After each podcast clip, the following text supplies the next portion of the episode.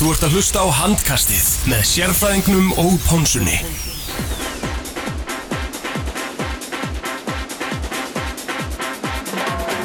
Jú komið sæl og blessuð og velkomin í handkasti á þessu löglétta sunnundaskvöldi. Það er Ponsan sem hilsar ykkur hér úr New Balance stúdíónu og með mér eins og áður Arnaldað Arnarsson, sérfræðingurinn og góðu gestur engin annar en Einar Andri Einarsson, þjálfari afturöndingar og, og fyrir um þjálfari minn. Velkomin Einar. Takk að fyrir Þú fegst þetta aldrei að þjálfa mig Nei, Þú fegst ekki þann heiður nei, við reyndum svolítið að ná þér en það tókst ekki Nei, þessi betur fyrir ekki Hvað hva klikkaði?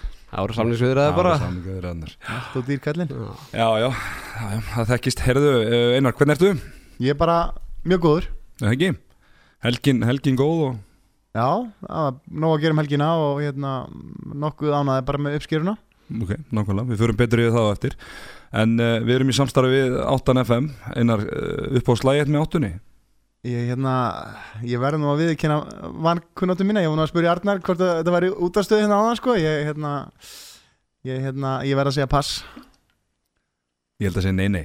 Já, ég held að líka. Ekki, Ekki, sína ekki sína að Einar, já. einar að vera að vinna með það svolítið svona. Ég Á þess að- að vita að þetta sé frá áttinu þá held ég að hann hlusta mikið og ekki sína sko. Já, nákvæmlega. Fáðu tóndæmi hérna, Teddy Ekki vera sína, sína, sína. Þú ert svolítið riðgat, Teddy. Er ég? Já. Já, það var erfið helgi, ég var á Akureyri um helgina. Hitti þar hérna, fullt að handbólta lið. Leikmenn Akureyrar, þeir voru í góðum gýr hérna og, Er þeir að hlusta götubarnum. handkastið? Já, já, sjálfsög Hvað trú nú? Já, við fórum að segja þetta. Heyrðu, það, hérna, það býður betri tíma. Uh, Erum stráka, það fór fram uh, landsleikur í dag. Þar sem íslenska landslið fótt til Tyrklands og, og vann uh, nokkuð örugan sigur uh, 33-22 ég vann nú í öðrum útastætti að ræða um daginn. Þar spáði ég með 11 marka sigri. Ég eldi það á Kulbett Já, þannig ég vona allir hafi hlustað á mig þar og, og sett góðan segil á það. Og eins og sagði 33-22 þar sem að Elvar Jónsson átti algjöran stjörnuleik nýju mörg og nýju skotum. Uh, Bjarki Már Elísson átti aftur flotta yngum með 5 mörg úr 5 skotum og Aron Pálmarsson með 5 mörg sömulegis, virkilega solid framist að þar, Björgum Páll með 14 bolta varða sem gerir 40% markvæslu Einar, þú horfður á leikin var þetta ekki bara fagmæleg framistæði hjá íslenska landsliðinu? Jú, engin spurning. Eh, Mér fannst bara strákinni mæta beittir í þetta og, og hérna vel undibúnir og ekkert sem kom á óvart. Uh, Sóknarleikurinn frábær uh, já, allan tíma myndi ég segja. Hefði geta verið meir yfir í hálfleik. Hún komin hérna 5-6 mörg yfir og, og þeir náðu að hérna, kroppa þessi í hálfleik og, en, en heilt yfir var bara mikill getur muni á liðunum og, og aldrei spurning. Eins og þú segir Elvar eh, frábær. Nýju mörg og nýju skotum einstakt og, og hérna bara margt gott á þess að byggja held ég. Ég, eh, Svona enn og aftur Ég elska hvað ég hugsa alltaf upp á tíðinu handkastinu en er þetta ekki bara eina betri frammestu nánast nýliða? engin spurning. Ég meina það, það er eins og hann hefur búin að spila í bara 5, 6, 8 ár sko með framhæstunum hvernig það var í, í kvöld sko þannig að það var engin skri, eða engin sko, hann var ekki feimin eða stressaður eða virti ekki neitt sko það kom líka, hann var líka átti virkilega góð innkom eins og þarna í, var ekki gullmótun hann í Nóri hann er bara stimplaði sig bara inn alveg frá byrjun og, og hann ætlar að vera hluta á þessu lið í framtíðinu, það er alveg nokkuð ljóst. Engin spurning og eins og segir, ég meina þeir eru bara að taka fyrstu skrefin þar í april Elvar er að koma inn og Haugur er að koma inn þar og Sigvald er að koma inn í þetta núna og Ímir er að spila mínútur. Þetta er Þetta, þetta er ekkit sjálf gefið að vera að vinna þessa leiki svona þótt að anstæðingunni sé klálega lagari, það er mikið búið að tala um þessi kynslu að skipti en, en hérna e, það er, er augljóst að þau eru að fara í gegn. Algjörlega, uh, Bjarki Már Elísson hann átti aftur uh, virkilega góð innkomu. Leikmann sem þú þjálfaðar hann í gutt góða mánuði það ekki? Jú, ég, við ná, náðum ein, einu leik 17. júni leik á ásvöllum. Og hérna Þorgerður Katrín dæmdi leikin og, og við unnum með einu og hérna og hann að Bjarki á eitt leik undir minni stjórn. Algjörlega, uh, Á hann að starta? já, það er í rauninni ef að gefum okkur það að Guðjón Valur komi aftur inn í hópin uh, ef þú verið Guðmundur Þórður myndur taka Stefán Rafni eða, eða Bjarkamá þessu staðan núna. Það er rosalega erfitt að segja, ég, ég held að það sem muni bara ráða því er bara framist að þeirra núna fram að næsta verkefni og, og hérna, þetta er bara gríðalig samkefni, Eh, ég held að hvort, þið myndu velja á, velja, veðja á þá hérna, er, verða þær ekki sviknir? Nú ætla ég að koma með hérna alveg fáralegt bara. En mér finnst þetta persónulega ekki fárulegt en e, þegar Teddy var upp á sjúkrahúsi hérna einn ein, ein þátti þegar hann nýbúið að velja landslýshópin og, og já með Tómas Þór Þórðarsson og Þorgerðan Alladóttir hérna hjá okkur og, og við, ég var svona að diskutera, Guðjón Val að hann var ekki að gefa kost þessar og, og, ég var bara farin að halda hann fram að hann ætti bara ekkert að vera lengur í landslýnu og, og hérna Tóm var að vildi fá svör frá mér afhverju og ég ætti að raukstiða svar mitt og bara hvort að hvort að Stefán Rafn og Bjarki Mæri var orðið betri en Guðjón Valur. Og ég svona, nei, kannski ekki og svona, en nú ætla ég bara að fullera það að við þurfum ekki Guðjón Val lengur í þetta næstið nú er bara kynnslóðskipti og við erum með tvo gjörsanlega bara á heimsklassa hotnamenn í Stefán Rafn og Bjarki Má þeir eru bara í nær aldrei þeir sem er að spila núna við erum með Aron Pálmarsson, við erum með Óla Guðmundsson, við erum með Björgum Pál fleiri Arnór Þór. Þetta eru bara orðið reynslu miklu leikmenn. Þurfum við í alvörinni Guðjón Val ennþá í íslensku landslið Ég held að, ég held að hérna, eh, ég held að Guðjón Valur eigi enga áskrift að sætunu kannski eins og hann hafði eh, eins og ferði gegnum, þá er samkeppnin gríðarleg. En þú veist að móti kemur hefur hann alltaf mjög mikla reynslu þótt að henni sé alltaf komnir með það líka og komnir á mjög góðan aldur þá hérna, eh, þú veist, ég held að Guðjón þurfi bara að standa sig og, og hérna og henni líka og, ef þeir eru allir í toppstandi hérna fyrir janúar þá verður þetta ekkit, auðvelt val og, og ég held að eins og ég segi, ég held að, ég held að sé ekkit sjálfgefið að Guðjón verði þar inni, sérstaklega ef þeir eru að standa sig í þessum leikjum sem eru núna. En ég veist sem að Guðjón alltaf sér að halda sér í landsliðinu þótt hann hef ekki átt heima gengt núna, þannig að þetta er bara hausverku fyrir Guðma að velja. Held, heldur í alveg að Guðjón Valur sé á sama stall og, og hérna Bjarki og Stefán þegar kemur að vali fyrir lokahóp heldur að sé ekki með bara garantít sæti? Nei, ég er er ekkit vissuð um það sko. Ég, hérna, þú veist, auðvitað eh, náttúrulega eh, hefur hann ákveðina faktora og hann hefur staðið sér gríðilega vel fyrir landslið, þannig að það er ekkit það er ekkit, hérna eh, það er ekkit skríti ef að Guðmi myndi velja en ég held að það væri erfitt að setja út á það. Þú veist, það er bara, fer eftir hans persónlega mati, bara hvað hendar fyrir liðið uh, kannski, þú þú, þú færði þessar reynslu-faktora og, og margir leikmennunir eldri þannig að, veist, við kannski erum ekki háðir þeim þáttum og Stefán Rafn og Bjarki er heldur ekki unglum sko. þetta Alls er leikmenn sem búin að spila hæsta klassa bara í ég veit ekki hvað, eh, 6-8 ár sko. Já, já, engin spurning og þess að segja, sko, það er kannski konir aðri leikmenn líka sem hafa reynslu þannig að, þú veist, sá faktor kannski vegu minna heldur en hann gerði og kannski sérstaklega síðustu árin en hérna uh, það er ekki, eins og ég sagði þetta er ekki auðvelt, auðvelt val og, og hérna, en gummi mun potið hafa uh, sínar forsendur alveg á hreinu þegar að, að þessu kemur. Sérfræðingur myndi alltaf ekki velja Guðjón Val í landslið Sérfæringun er í bombum bara hérna á sunnudegi. Nei, mér finnst þetta bara Já, Nei, ég meina, þetta er bara valið Ég meina, við erum með bara þrjá heimsklassa hodnamenn og það sko, geta ef bara við varum tveir í sók, bara uppstiltið sók þá myndi ég freka vilja hafa Bjarka Má eða Stefán Rafn í vinsturhóttinu Guðjón Val. Guðjón Val er frábær raflismæður en ég myndi freka treysta Stefán Rafn og Bjarka Má til að skora í uppstiltum sóknarleik en, en, en ég held að séum kannski bara jákvæmt að við séum komnir á þann stað þú veist, með þessa stöðu og fleiri stöður að það er ekki sjálf valið í liðið það er hérna púlíana leikmennum er, a, er að stækka og ég meina Sigvaldi kemur inn núna og það eru fleiri leikmennum þá stöðu sem að Óðinn og, og hérna Teddy til dæmis er ekki, ekki og hérna það er bara greiðalega jákvætt og, og, og fyrir handbóltan því að kannski fyrir ekki mörgum árum þá var nánast svona sjálfgefið hva, hvernig hópanir uh, litu út Já, ég meina Þóru Ólafs bara var alltaf annarkvort fyrstum maður að vara maður og svo var Pettersson þarna alltaf og Óli Stefa var alltaf og Snorri Stefa var alltaf það er alveg rétt, þetta er orðið svona ótrúlega mikið breytt sem við eigum núna á frambærulegum handbóltamennum sko. Já, já, svo er líka bara gaman að sjá í þessum verkefni sem Guðjón er Guðjón valinu ekki að Aron er náttúrulega bara að verða bara þessi leittói í þessu lið og, og ég held að hann svona hafi líka bara svolítið gott að því að taka það hlutverk. En, engin spurning, hann hefur allt, allt til að bera að vera góðu leittói og hann er þessu hlutverki í Barcelona í dag að, vera hérna aðal maðurinn þar og, og svona stærsti persónuleikin og, og, og hefur gert það virkilega vel í vetur hérna, og mér finnst hann bara að vera að vaksa virkilega vel inn í það hlutverk. Algjörlega, kannski ekki mikið meira um að leika að segja það voru aðeinslega hlutur að gerast í þessu reyli því að hérna, gríkinni þeir unnu Magadóniu gríðalega óvænt svona allavega fyrirfram. Uh, voru nú eitthvað að kíkja á þetta einn á hann og það virtust allavega flesti leikmenn vera með með Makedónum og, og ég er ekki vissum að margir hafi séð sé þetta fyrir og hérna og þarna kemur kannski bara veist, þessi faktor að hérna, menn þurfa að taka þessa leiki alvarlega Makedónanir hafa uh, hugsanlega séð úslitin og kíkt á leikin okkar hérna við á og, hugsa, hugsa sér gott í glóðarinnar að þetta er þið auðvelt. En uh, þetta sýnir bara það ef að menn mæti ekki klárir í þessi verkefni í alþjóða bolta eða nánast bara hvað sem er þá getur bara farið illa.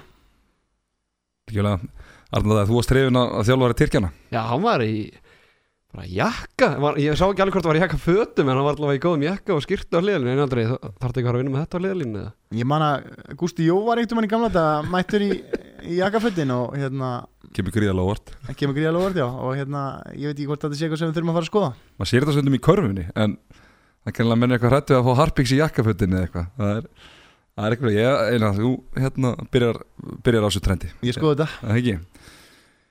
Algjörlega, erðu, en uh, þú varst í í verkefnum helgina með undir 21 landslið þar sem við spilum Nýráðinn ný, nýráðinn þjálfari til hamngi með það bara, svo við byrjum á því. Já, takk fyrir. Og þar voru að mæta frökkunum í tveim leikjum þar sem að eh, á fyrstu ennunu 28-24 þar sem að Teitur Einarsson var markaðstum með 8 mörg og þeir Birgir Már Birgisson, Sveitn Andri Svensson og Sigþókona Jónsson og Óri Þorkesson allir með 3 mörg og svo lögadaginn uh, unnuði 21-16 þar sem að Teitur Töpuðu. Nei, töpuðu fyrir ekki 21-16 21-26 Já, þetta er, þetta er Það er vittlist hann hjá Já, að ég var hérna Ég var akureyri. 14-10 undir í hálfleik. Já. Það sem að uh, Teitur skoraði sjö Birgir Már við þrjú og uh, Sveitn Andri. Uh, Þetta var nú bara lala lið ekki, þetta frakkalið Þeir hafa aldrei unnið til verðluna en eitt þannig Þetta var hérna Þetta var uh, fyrir fram náttúrulega vissu við að þetta var í frábært lið. Uh, lið sem er búið að vera að- að berjast um allána titlana. Ég verða við ekki neitt ekki ekki nákvæmlega hverju er búin að vinna þetta sísta árin Ég heldur hafi Silvi verðlun á senasta stórmóti skilst mér. Já, og hérna þannig að og leikmenn sem eru að spila og eru samningsbundi bara topp top liðanum í Fraklandi og, og hérna við runnum bara svolítið blind í sjóin uh, með þetta og bæði það að við, við steininn alltaf bara fengum hópin á, á þriðuta og fengum þr- þrjár aðingar til þess að koma inn ansi mikið að hlutum. Uh, við erum að setja inn algjörlega nýjan varnarleik uh, svona varnarleik svona sem að er í svona ákveðin rauðu þráður frá A og nýr í B-landsliðunni 21 ás þannig að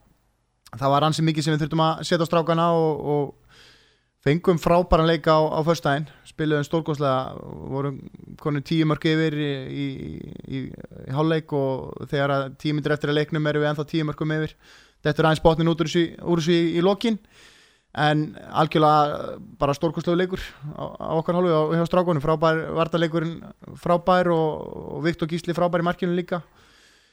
Þannig að mikið að hraðblöpum þannig að þetta var eh, sá leikur var virkilega góður Að ég verði að spyrja út í hérna varnarleikin að frábært að aðlandslegu 21 og sé að fara að spila svo sama sem er vörn og svona en er ekki skrítið að þú er náttúrulega kannski þú þjálfari með þína vörn að þurfa síðan að fara að fylgja einhverju öðru konsepti hvernig er svona, hvernig er það? það er hérna það er, það er rosalega skemmtilegt að- aðalega og hérna ég er búinn að vera eh, bæði að funda með Gumma og Gunna og, og hérna og svo var, var bílanslið að æfa fyrir einhverjum þrejum vikum og þá hérna eh, var Gummi að setja inn vartalegin þar þannig að ég komst vel inn í það og, og svo tókum við fundi og þannig að mér leið nú ansi bara vel fyrir helgina að vera með þetta svona nokkuð á hreinu, það er bara gaman að takast á við svona og eins og segir, ég held að sé skipti miklu máli svona fyrir þróunni handbóltanum að sé unnið eftir einhverju ákveðni línu og, og hérna Gummi er virkilega að láta sig þetta varða og, og hérna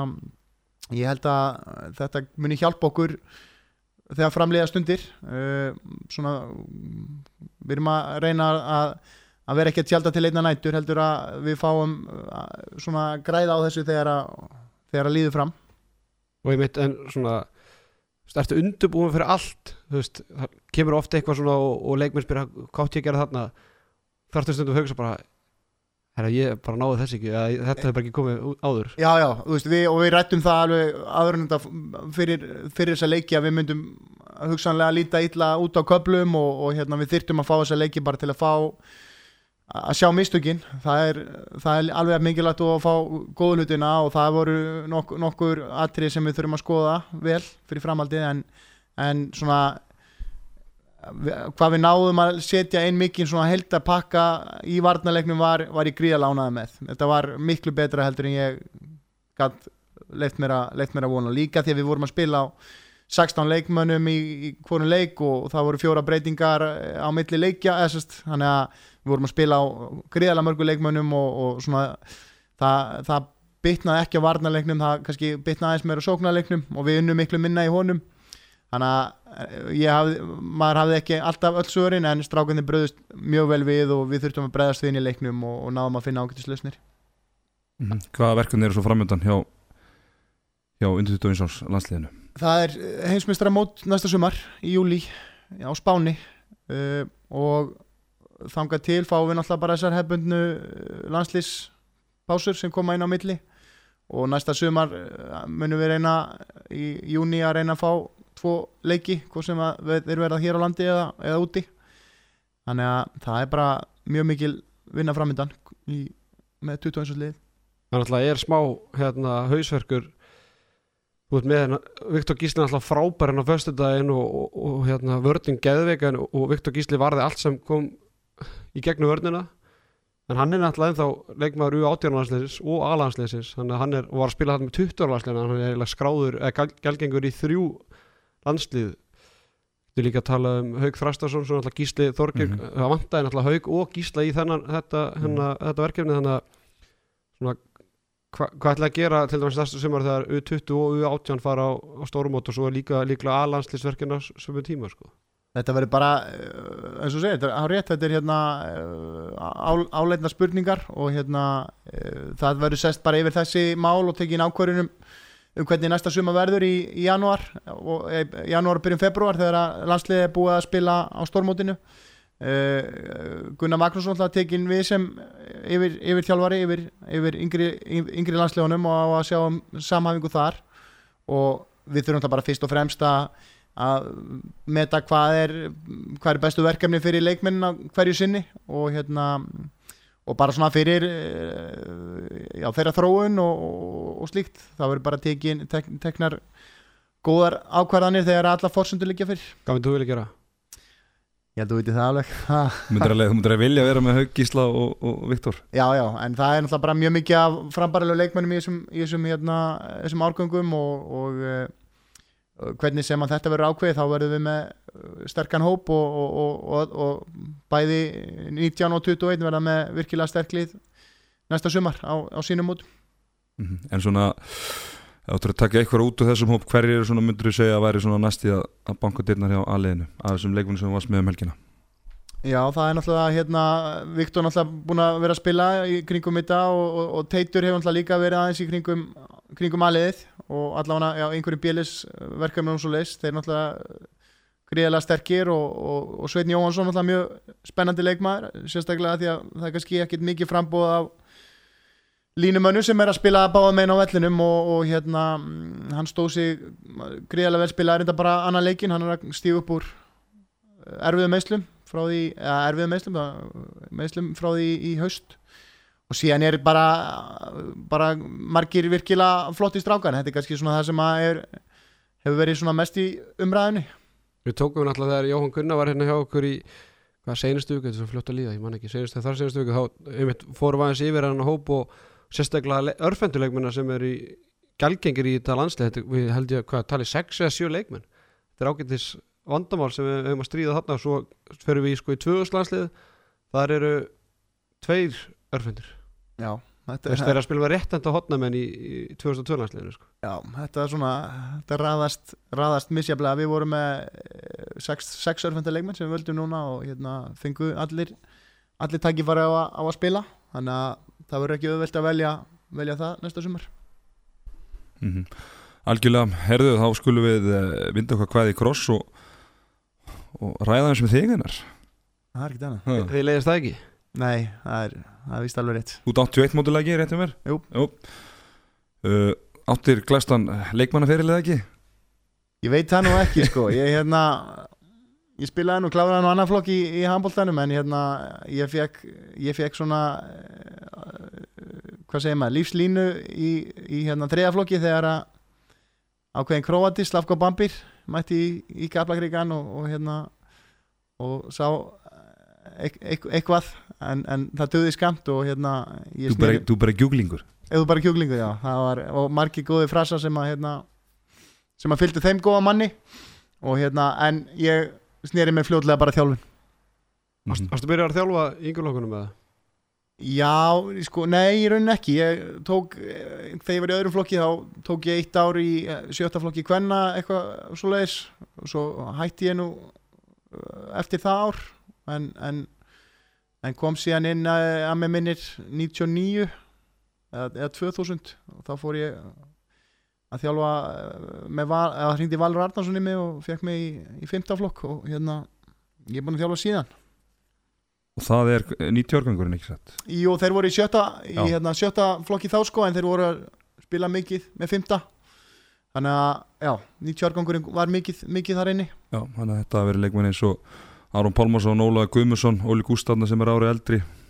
Þetta var ákveðtist talent. Sástu strax bara hvurslags talentpúlið þú varst með þarna í, í höndunum?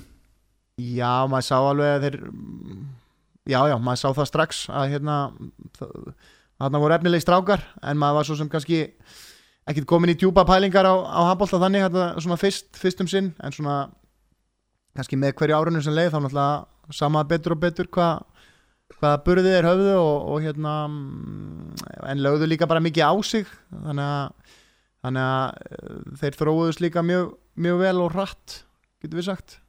Mm Það var uh, leikmaðurna sem að var bara á pari við uh, bara bestu menn þarna sem að uh, þú náður ekki að halda í handbóltanum hann, hann Björn Daniel sem valdi fótbóltan en hann var gríðlega efnur á handbóltanum líka fyrir það sem ekki vita. Hann var leik með íhá Eh, Hann á leik með IH spilaði á, það var ekki tveið til leikið þar. Uh, Hvar var Björn Daniel að, í hvað liði var Björn Daniel núna ef hann hefði valið handbólta?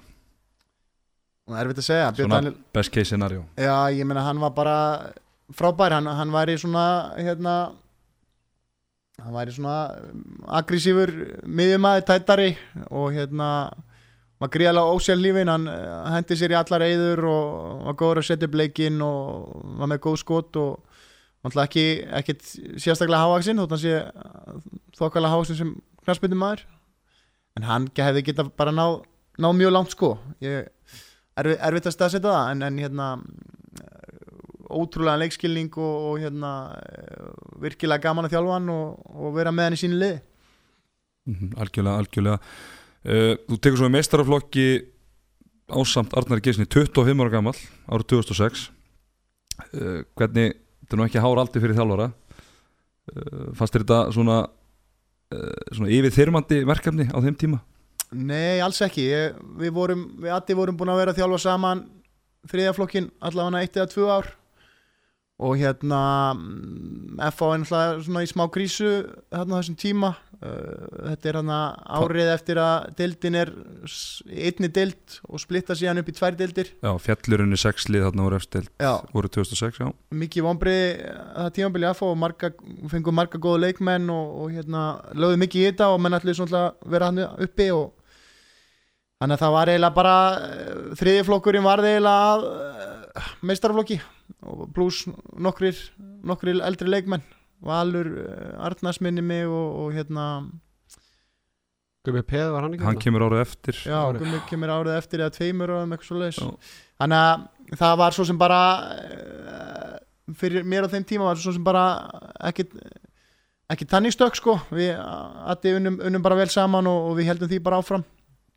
En þetta voru svona, já, þetta voru svona svolítið sérstakki tímar í, í, í félaginu, var svona tekin ákvörðin um það að byggja á þessum ungu leikmönnum sem að hérna mm, voru til staðar og náttúrulega frábæra ákvörðin á þeim tíma.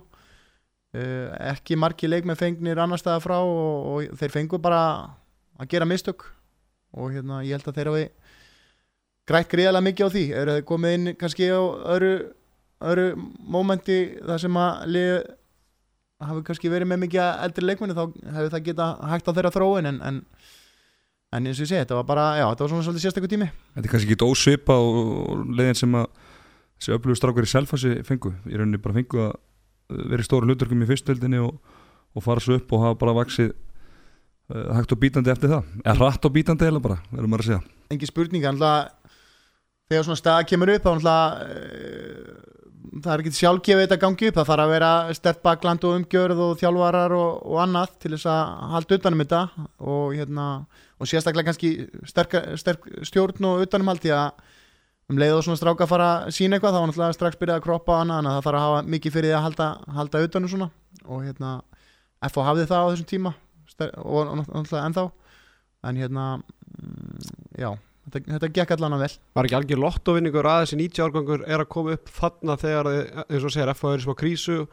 Það því að ef hefðu allt það hvað hefðu orðið um FH ef þeir hefðu ekki neitt yngri flokk þarna og í þessari krísu sem þeir voru? Jú, jú, en, en kannski að hluta af því sko, menn fóru kannski í þessar aðgerði líka af því að þetta, þessi hópur var að koma og menn vissu af því, sko, menn hefðu kannski farið einhverja aðra leið og reynda að milda höggið í hvað þetta varðar, sko en, en hérna engin spurning, þetta var það var mikið lukka fyrir félagi að þessi hópur var að koma upp og náttúrulega, þetta er náttúrulega ekki bara 90 þetta er náttúrulega alveg hérna, alveg frá 86 og upp í 93 eru, eru bara mjög sterkir hópar og Ari Magnús, já, Ari og hérna Theodor Ingi Þetta, bara- Guðni Már og hérna það var alveg hellingur hérna Daniel fyrir Andrisson auðvitað, ég glemdi honum á hann í upptalningunni og þetta var uh, gríðalega sterkur hópur, algjörlega. Uh, Við vorum að ræða svona á þetta að hérna, ef setnibilgjan hefði verið þarna þannig að selfinsíkjarna hafi fengið gríðalegt hæp núna getur við líst, líkt þessum árgöngur svona saman væri þessi 90 árgöngur 89 og aðeins yngri og eldri hefði þeir verið að fá svona svipað hæp í, í sjóarpið eins og selfinsíkjarna er að fá núna? Ég meina Aron Pálma hann alltaf var bara ég, alltaf, ég er tveim árum yngri en hann og ég, þú veist ég man bara í, eða hann var í úlleika deilskilu þetta, og það vissi bara allir hver Aron Pálmason var og það vissi allir hvar hann myndi enda eftir eh, tíu ár sko. Mhm, Já, ég meina Aron Pálmarsson var besti leikmaðurinn í öðru flokki þegar hann var yngri ári í þriðja sko. þetta er bara, mhm. og bara uh, var í fjórðaflokki þegar hann var byrjaður að að spila í efstu teilt sko. Hann er, uh, það var bara svona, þú sást að bara einhvern veginn strax að þessi gæi er því bara uh, world class Engin spurning hérna þannig svona alltaf, bara verið svona sérstakur líka sko, hvað það varðar að, að hérna, alltaf bara vaksi með hverju verkefni og veist. Hann var oft, oft í yngri flokkonum var ekkit að spila kannski sérstaklega vel alltaf sko en þegar stórleikinni komu þá hérna þá var hann alltaf til og hérna og þegar hann var í fymta og fór að spila með fjórða var hann alltaf betri þar og, og svo bara frá því valin í úlingalandslið og fara að spila upp fyrir sig og síðan allt í inn í allandslið þá bara allt, hann var bara allt í inn alltaf klár og hérna það er svona eiginleiki sem að hérna, við erum líka kannski bara að sjá eins og við erum að tala um haug og, og þessu ungu strák í dag sem að eru virkilega að stígu upp með hverju verkefni er eitt hérna, þú náttúrulega þjálfari sem stráka í 15 og 4 flokki og 7 og 3 flokki fannst aldrei fyrir því að þú annarkvort varst ára og góð félagira eða þá varst búin að vera með og lengi og kannski ég næ ekki meir úr þeim eða það, þú, hva, hvað þjálfari þennan árgang lengi eiginlega?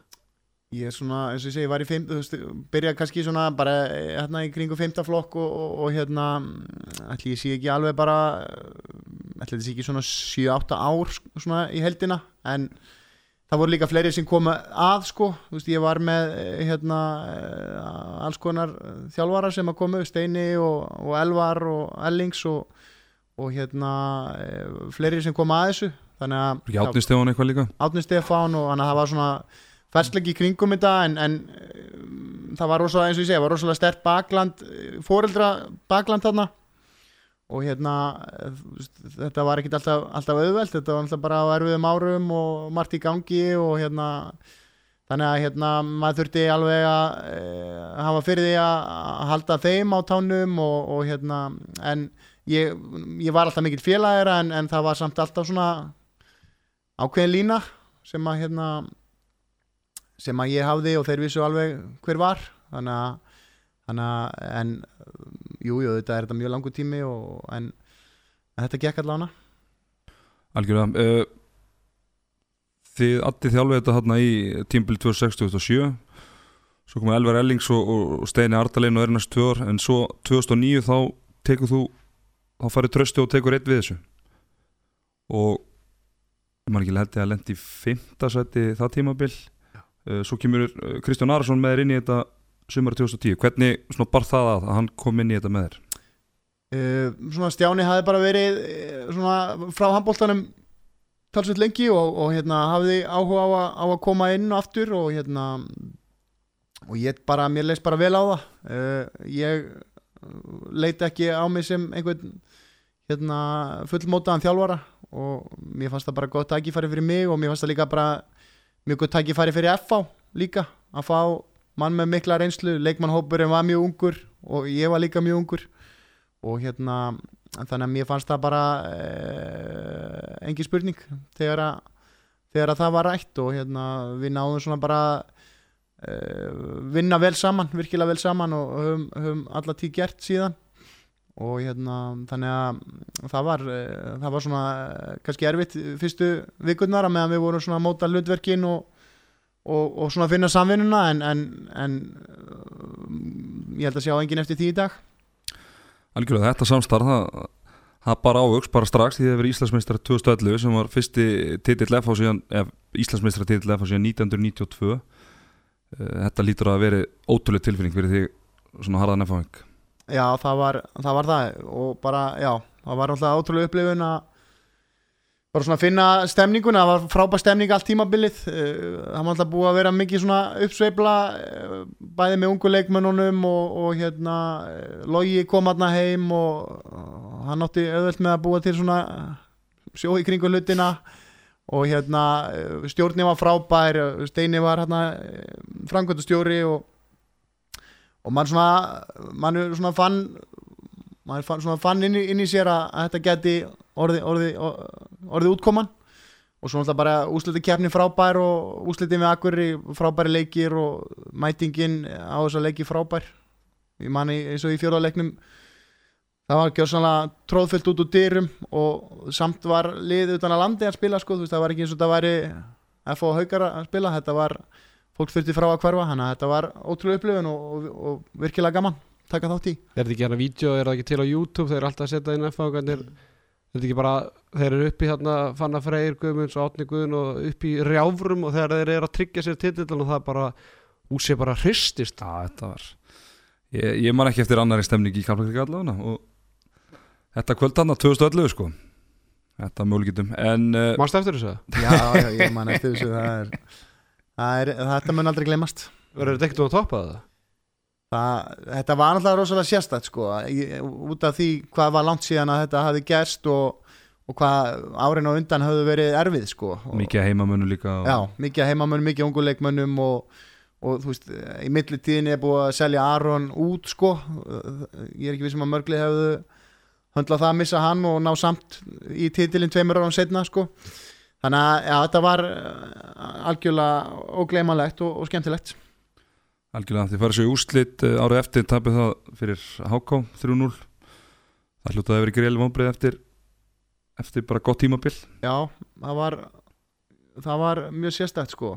Hvernig hérna Háka fór í gegnum þessu úslikefni ef ég mann rétt á unnu þeir Það er töpugileik þetta upp ekki leik en þeir sko Þetta hafa tryggt síðan í úslikefni í síðustu umferð í uh, leikamóti fram þeir lendi enda í, í hérna, fjóraðsæti Já, þetta er fjara Já. á þeim tíma já. þannig að það, sko, þeir tryggja sér bara í úslikefna í síðasta leik og hérna mm, svo taka þeir haugana 3-0 og hérna ég held að við höfum allir hugsað okkur gott í glóðurinnar að, að hérna við myndum ná í annan titil og þessi leiki voru sérstakið því að við vorum að spila löngum köflum frábælega en e, þeir voru frábæri í varnarleiknum og var markvæslu og hraðablöpum og, og svo held ég að menn hafa kannski ekki alveg átt að sé á bara styrknum á Bjarkama og Óla Bjarka og Ta- Tandra og, og svona margir strákar allir ævar svona, voru svona búa sér til nafn á þessum tíma sko.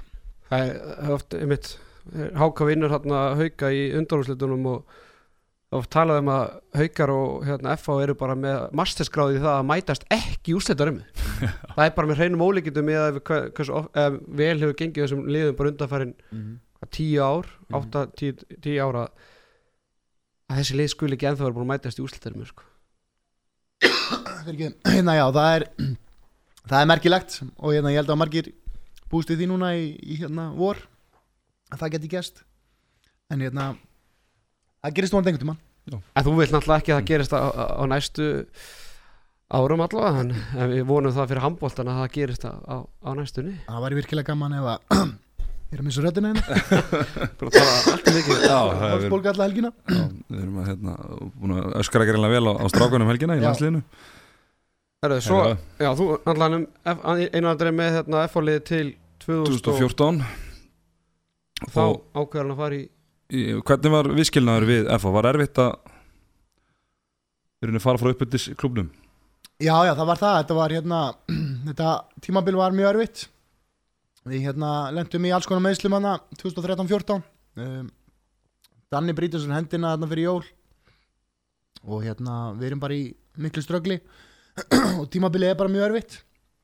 En hérna ég fann það svona þegar leiða áramótum og eftir áramóta þetta væri svona bara að verða orðið gott en hérna við ákvaðum að láta reyna á þetta áfram og, og klára mótið og við vorum ekki langt frá því að tryggja okkur inn í úslit töpum fyrir haugunum 3-2 í áttaleg en hérna það var svona talsveit áður sem að við vorum vorum búin að ákveða hætta hætta hérna eða ljúka samstarfinu og hérna ákomin í stjórn og ný formaður og við bara töluðum meðalega saman um það að það væri bara komin komin tíma okkur nýtt, ég var búin að vera lengi hérna og ég held nú að margir leikmenn hafa nú verið orðin hálf þreyttir á mér og, og hérna og kannski einhverjir í pöllunum. Þannig að hérna en ég var ekki dósóttu við það var bara, ég var bara mjög þakkláttu fyrir hennar tíma og, og hérna skilnaðurinn var bara mjög góður og mikið, mikið að minni bara vinum og fjölskyldum er í FA en þá í dag og, og hérna ég bara ber mjög sterkar tilfinningar, tilfinningar í krigan Það er kannski munurinn á, á, á leikmannaferðli og þjálfaraferðli að leikmar getur verið í, í sama félaginu í 10-12 ára en, en bara með fullir virðingu fyrir Svar Alex Ferguson getur verið í sama félaginu í, í 20 ára en, en sami þjálfarin það er bara það þarf nýjan þjálfar á hvað segir maður, fjara til 6 ára fresti að minnstu kosti. Já, já, ég gerði mér alveg grein fyrir því þegar ég byrjaði að þjálfa FA og að hérna, það er ekki endalegt en ég vissi ekki svo sem hvað ég myndi gera í, gera í framhaldinu en, en, en uh, hvað sem maður myndi þá bara hætta með meistarlokkin og fara í yngri flokkana en, en þegar ég hætti þá bara svona fann ég fann ég bara að mér langaði að halda áfram og, og, og uh, sem betur fer voru, voru einhver lið sem að höfðu áhuga á, á því að að fá mig. Uh, Þú tekur afturreldingu sem voru þá nýlegar 2014 uh, rauninu ferðu liði sem að er að berjast um alla titla í, í, í, í nýlega fannst þér að þetta að vera skref niður á við? Alls ekki, ég leita ekki á þannig ég hérna ég hérna eh, svona vissi eh, einhver leiti eitthvað um hérna um liðið ég tók við þeim og þeir eru samband ég að hafi þjálfa örninga hjá, hjá hérna hjá FA og, og svo vissi maður bara um þessa ungu stráka sem að voru að voru að koma upp þannig að ég var var þetta er fyrir ekki Ekki máli. Hérna, ég var bara mjög spenntur þegar, að, þegar þeir hefðu samband. En hérna, ég voðalega fyrir þetta maður ha, Þetta eru töfrar út af síðan þetta er töfrar út af já, þetta er bara já, en þegar þeir hefðu samband þá var ég bara mjög spenntur og, og ég var ekkert að setja mig einhverja stellinga hvort ég var að taka skrifa upp eða niður. Ég var bara spenntur að fá að takast takast á við það að vinna aðnum frá Þú tekur við uh, gríðarlega svona uh, efnilegum hóp. Þarna strákar uh, Bara næstu nít- Hansen. Já, já, 94, 5 og 6 og, og, og, og það var skrifið, skrifið fræk grein hann Ótrúlega einarlandir skul ekki er búin að gera að Böða Pála bara mik næsta Mikkel Hansen þannig að næstu mínútu munum farið það að þú ert að greina það að Böða Pála er ekki bara orðið hérna fyrirlið landslýsins og, og leikmaður bara Vesperum sko. en, en mér langar að spyrja þig einar uh, þessi hópi sem þú tekur við hérna 2014 og á þeim tíma spáða eru þau bara næstu landsinsmenn og atvinnumenn og, og, og, og hafa bara af mismunandi ástæðum kannski ekki alveg ná því að, eh, svona þú berð á sama við þannig 90 árgangi F á sama tíma. Úst, hefðu þeir geta náð jafnlant svona með við gæði? Sko, hérna mér finnst alltaf erfitt að bera, bera saman sko, hérna Börnviðin Já, eða bara svona, veist, leikmenn og uh, mismunandi tíma og annað sko mann veit aldrei hvernig hlutinni fara ef að menn haldast meðsla fríir og, og hérna geta sint íþrótuna fullum krafti en þessi strákar í, í Mosó eru greiðlega hæfileikaríkir og, og hérna menna Böða Páll að því hann er nefndur 17 ára gamall er hann held ég valin nefnilegast til leikmaða mótsins og hérna með markaðir í mönnu deildarinnar og síðan bara eh, fer hann tvissar í aukslinu var svo sem áður en að ég fór upp yfir þá var hann alltaf búin að fara í aðgerð og var alltaf búin að spila í tvö ár. Frábæð varnamæður í dag og, og hérna hörku skitta á góðum degi en hérna sama með Elvar, þú veist, hann er búin að missa eitt ár út, út, út af hérna út af crossbandi og síðan sex mánuði út af fótbroti. Þú veist, þessi tími kemur ekkert aftur en þessi strákar hafa ennþá tíma þetta eru ungi strákar og, og hversu langt er náði bara undir þeim komið. Ég meina, Elvar og Birkir er að vekja mikinn áhuga elendis og ekki ólítið að spili báðir út í næsta tímambil Aðtilsvert, aðtilsvert e, Þið náðu reynd ótrúlega árangri á eitthvað fyrsta tímambili og farið sem í nýliðar. sem nýliðar og farið í úslita rimmu gegn haugum sem uh, voru með sópin á lofti í þessar úslita kemni og fóru 8-0 í gegnum hana ef mér minni rétt. Uh, fara svo aftur í úslit árið eftir á móti haugunum Mm. tapið þar í ottaleg er ekki rétt Jú. mér uh, getur við kallað þetta næstu í lið? Sko, hérna fyrir árið á móti haugunum hérna e, þá við vorum búin að spila frábælega allt mótið. Við e, hérna lendum í öðru sæti í dildinni og eftir val og spilum frábælega í úslikemni spilum held ég við IPVF vinnum þá 2-0 sláum út val 3-2 en hérna við missum Böðvar út í nei við missum Jóhann Gunnar út í undanúslunum móti ég er. Þannig að hann getur ekkert spilað í úrslutunum og hérna já já. 3-0. já, Það er 3-0 Nei, 3-0 Hvernig það hefði farið ef að Jóhann hefði verið með veit ég ekki en, en við hefum allan verið nærið en við erum í tapað þarna fyrsta leik. Mjög tæft, einu marki. Síðan setna árið þá hérna þegar við töpum 3-2 fyrir, fyrir haugunum þá missum við Böðvar út í undanúslunum hann slítur sín í aukslinn á sér. Og hérna haugandi missar enda tjörf út líka. Það hefði verið, ég hefði verið til að spila báðar þessa serju bara með bæðilið með fullskipulið Um, ég veit ekki hvort að kalla þetta næstu í lið, við hérna náðum frábærum árangri, það bjóst engin við því að við erum, erum þarna. Haugarnir voru bara með frábært lið og ef að menn vilja setja einhvern stimpil á, á svona hluti þá bara gera þér það. En frá, þessi, þessi árangur var, var frábær. Þetta hefur verið gaman að klára þetta sérstaklega setna árið, við erum yfir 3 2-1 og hefum leik í hefum leik hérna upp á Varmá sem fer í framleggingu þannig að við vorum mjög nált í að klára það og, og mjög svekkindi að hafa, hafa ekki gert það. En, en ég myndi freka vilja vera í þessum leikjum heldur en heldur en einhver staðar í einhverju miðjumóði og, og hérna er bara komin í sig frí eða bara komin í sumafrí sko þannig að ég segi það það er, það er hérna þetta var virkilega gaman að taka þátt í þessu. En það má ekki samt gleyma því að við ætla óskum aftur líka til hamingju með meistara meistaratitilin sem við unnuð í, á senastímur og fögnuðu gríðarlega en mættu síðan ekki til leiks í mótið nokkur um fyrir setna maður áreindar alltaf að fagna titlum sko. Og hérna manna en mótið fyrir að var, var vombrið það er rétt. Við hérna sérstaklega byrjunin, fyrstu sex leikinni voru gríðarlega erfiðir. Ef við tökum þá frá þá voru við með held ég þriða besta ár, árangurinn í síðustu 15 leikjónum þannig að byrjunin setti mikið strik í reikningin og, og síðan bara öll meðslin bæði Elvar og Birkir mikið frá og þannig að við náðum okkur aldrei á strik og hérna vorum bara einfallega ekki nógu góður Það er búið að banna Elvar að fara að týna jólatrið í, janúar eða?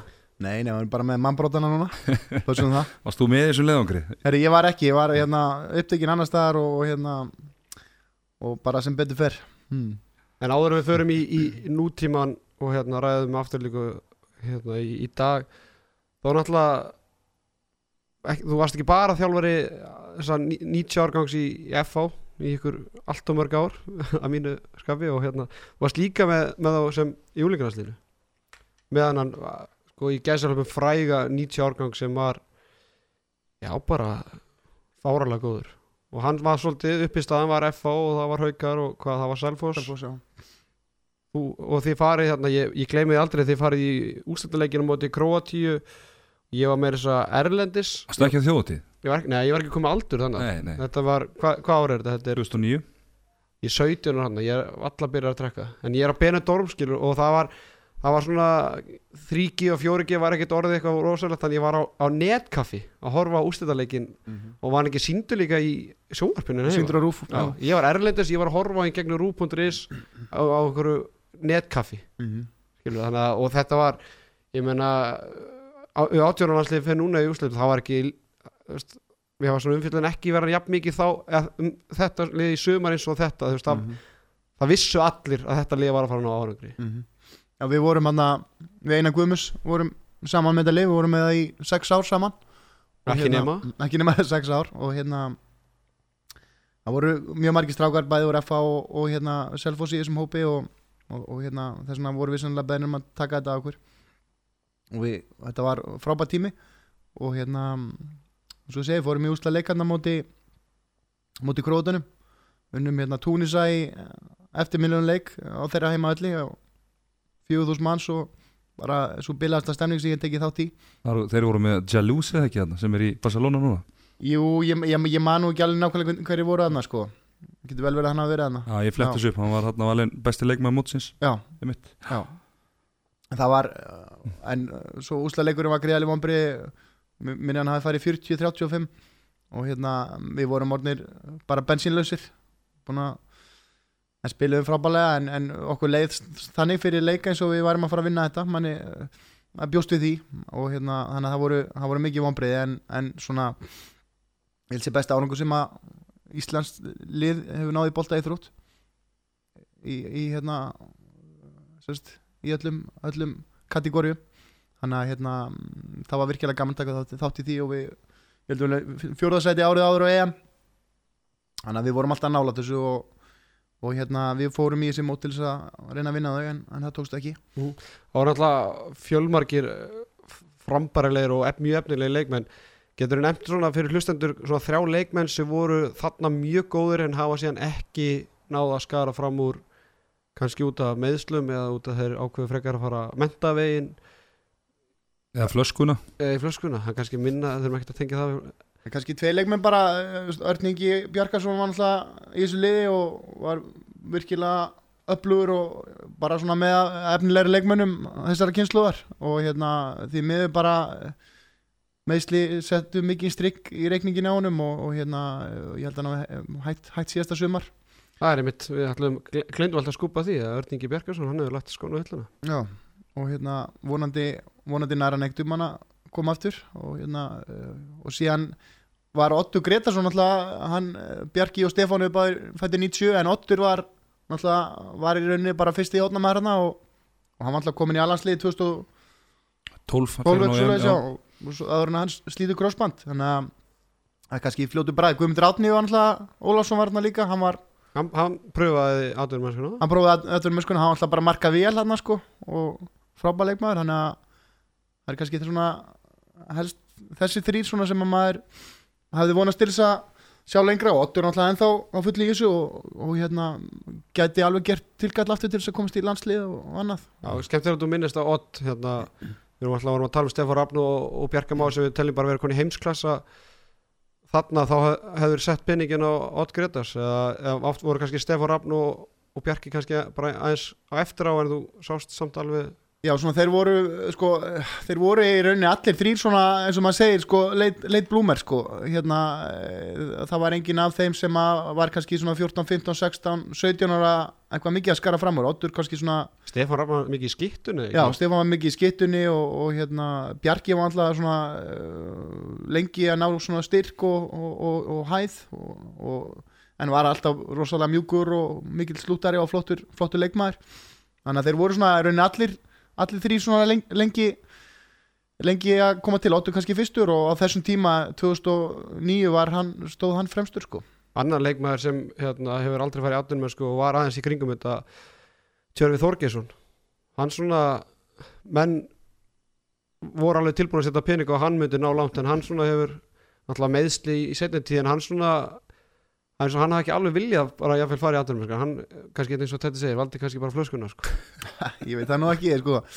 Var alltaf með gríðarlega hæfileika og hérna var hlutað þessu liði og, og hérna hann kannski var vantaði svolítið bara svona styrk á þessum tíma, líkamlega styrk sem hann hefur algjörlega tekið í gegn í dag og náttúrulega bara einn, einn ef ekki bara svo besti miðmaði deildarinnar og ég held að það sé ekkit ekkit útilokað að hann geti spilað elendis og hefur sjálfsagt fengið einhver tækifæri til þess sko. Sigur Ágúst var hann ekki á línun já, Sigur Ágússon og Heimir Óli. Heimir Óli, já. Já. Heimir Óli, hann hefur nú smakkað að dörmeskunni Jú, í það er ég? Það er nú margir smakkað. Já, já, Sumir spýtaði út þessar já, já það er menn þurfa að grípa tækifærin það Já. er koma. Þetta er harður heimur, aðdunum mennskan Eruðu ekki vind okkur bara í afturlíkaliði í dag? Úlsteldina? Já. Uh, Þú varst öflugur á, á, á leikmannamarkmanum í sumar og fegst fullt af, af góðu leikmannum farið hérna Arnur Frey Stefansson í markið Finn Inga og Július Tóri í hotna bræðnar á Seldjarnesinu og farið Tumastein og uh, Emils hvernig segir þetta, Kursminjesk Já, segjum það bara. Já, flotti frambyrðið Jú. uh, uh, Byrjum aðeins á Tuma. Uh, Það vakti aðtikli þegar hann skipti yfir í afturhaldingu. Getur þú satt ykkur sögun og bakvið að uh, svona aðdrandan því að áður hann kemur aðdrandan að hann komið til ykkar? Ég bara við svona eh, heyrum að því að, að, að hérna, eða, ok- okkur er bara vakin aðtikli á því að, að það sé eh, þessi leikmaður sem ég þekkti nú ekki mikið til á, á þessum tíma hefði hérna áhuga á að hugsalega færi sig eitthvað. Þannig að ég fór og kíkti bara á það sem að var eh, hérna hægt að finna á netinu á leikjum af, af, af, sem ég fann af honum og, og, og leist bara strax vel á og við hérna settum okkur í samband og, og hérna við spjöldluðum svolítið og bara, það var svo sem bara fljótt að gerast eftir það, við, við sáum að þetta var leikmaður sem að geti hjálpa okkur, svona típa sem að geti hjálpa liðinu og ma maður sá strax bara að þetta var svona reynrættaði miðumar og, og hérna Komin á Val, La Valsia skólanum sko hvað er það? La Valsia? Þetta er hvað er La Það er sem sagt nafnið á akademinu er La Valsia eins og La Masia í Barcelona. Einar handri vissum alveg hvað La Valsia var. Já, já, hann, hann er bara virkilega vel skólaður og, og hérna e, með allar, bara með allt á hreinu í, hérna, allar undirstöður handbóltans þannig að þannig að það var bara virkilega gott að ná í hann. Svo náttúrulega sóttur annan leikmann í úr La Valsia akademíunni. Já, Stulla, já, við náttúrulega erum búin að þurfa við erum búin að missa eh, tvo leikmenn í, í vetur. Eh, Pétur náttúrulega hættir og, og, og við vorum hefnir að fá Stulla inn. Virkilega flottur leikmaður sem náttúrulega búin að vera meittu núna í eða frá í allan ár. Og síðan náttúrulega var gestur sleitt crossband í byrjun tífambils og, og Finnur kom og fyllti það skarð. Þannig að við vorum bara mjög hefnir það er ekki sjálfgeð að fá góða leikmenn þegar tífambilið kom á stað. En þú setti í sambandi Tumastinn bjóstu við því að í oktober að vera hann orðin byrjunum að þér um, ég var svo sem ekki ekki farin að hugsa það þannig sko. Við, hérna, við sáum bara strax að við myndum hafa hlutverk fyrir hann og hérna en hann er bara búin að grípa tækifæri mjög vel og, og hann er bara búin að bæta sér líka mjög mikið bara síðustu mánuði, hann er búin að bæta gríðarlega mikið líkanlega styrk og, og hérna, skotið hans er alltaf að vera betra og betra. Þannig að mér fannst ekki útiloka að hann geti verið okkar, okkar fyrsti maður á, á miðjunni og, og hérna og, eh, en þú veist, við erum líka með mikla samkeppni og, og menn þurfa að vera, vera bara á tánum í þessu. Og hann, hann verður hann þarf að standa sig til að halda, halda stöðunni. Svona rétt áður við klárum Tumastein í byli Skiluru þá hverjum Vals að hleypa honum annað eða undrastu það að Valur geti ekki notað hann í sínu liði ég heldur endur að Valur hafi ekkit viljað missa hann sko og hérna eh, ég hérna eh, þú veist eh, maður veit ekkit hvað hlutverkan hefði haft þar og, og svo framvegi sko.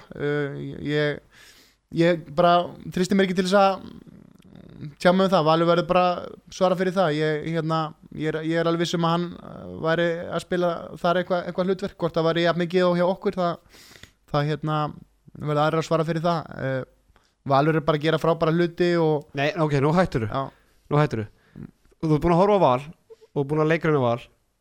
Gætu Tumi hjálpa Val í dag? ég minna Tumi geti hjálpa öllum liðum en, en þú veist Va- Valur verður ekkert í neinum vandræðum. Þeir hérna, þú veist, það er bara sex leiki búnir og þeir eru að taka inn mikið að nýjum mönnum og, og hérna þeir mm, búin að spila bara þokkalega og eiga, eiga mikið inni. Þannig að ég held að ég er, þú veist, veit ekki hvort að Tumi væri, þú veist, að Valur væri að gera eitthvað betri hluti út að Tumi væri þar. Þeir eru bara einlega nýtt system með nýjum mönnum og ég ég held bara, ég held að Valur séu alveg ánað með sinn hóp. Uh, Emil Kursminjask uh, heldur kannski margið þeir sá að þeir voru að að sækja erlenda leikmann að þetta væri bara leikmann sem þetta koma beint inn í, í byrjunarlið þetta er bara ungu strákur og, og hvernig það eru hugsað. Að vinna með hann í kannski eitt, tvö ár og, og þá myndi hann verða öflugur eða hvernig, hvernig er það að hugsa þetta? Já, já, það var, eh, sko staðnindin er bara svo að það er bara lítill leikmannamarkaður hér á landi og hérna fáir byttar sem er í bóði og, og hérna og fyrir vikið eru þau líka alltaf að vera dýrar og dýrari. Og við fengum bara möguleika á að fá tvítugan strák á, á þryggjára samning og, og, og hérna eh, sem að hefur bara mik, mik, svona mikla hæfileika þótt hann hérna sé kannski ekki alveg tilbúin að spila akkurat stórt hlutverk núna þá geti það alveg breyst þegar líður á tífambili þannig að við erum bara uh, taka leikmann sem að til framtíðar. Þótt að einhverjum að finnast að sérstætt að vera að taka útlending í svona þá eru bara líka til ungi leikmenn eins og í Östur Európu sem að hérna sjá hagi því að koma til Íslands og vinna og tala nú ekki bara kostnaða hliðinni þannig að það er bara hagstæðara fyrir okkur að taka svona leikmann heldur en kannski einhvern meðal íslenskan, íslenskan leikmann. Þannig að uh, hugmyndin á bakvið þetta er bara fyrst og fremst að fá mann sem getur hjálpað okkur í vettur en, en mun alveg pottið hjálpa okkur í framtíðin þetta er strákur sem er búin að spila alhansleiki fyrir letta og hann sleitt crossband fyrir þreymur árum og var á mjög góðri leið þá á þeim tíma hann svona vantar ennþá svolítið styrk í eða treysta, eða svona treysta löpunum á sér en, en það mun koma. Talandum hérna útlendinga og, og fá útlendinga hversu stóra er markaðurinn?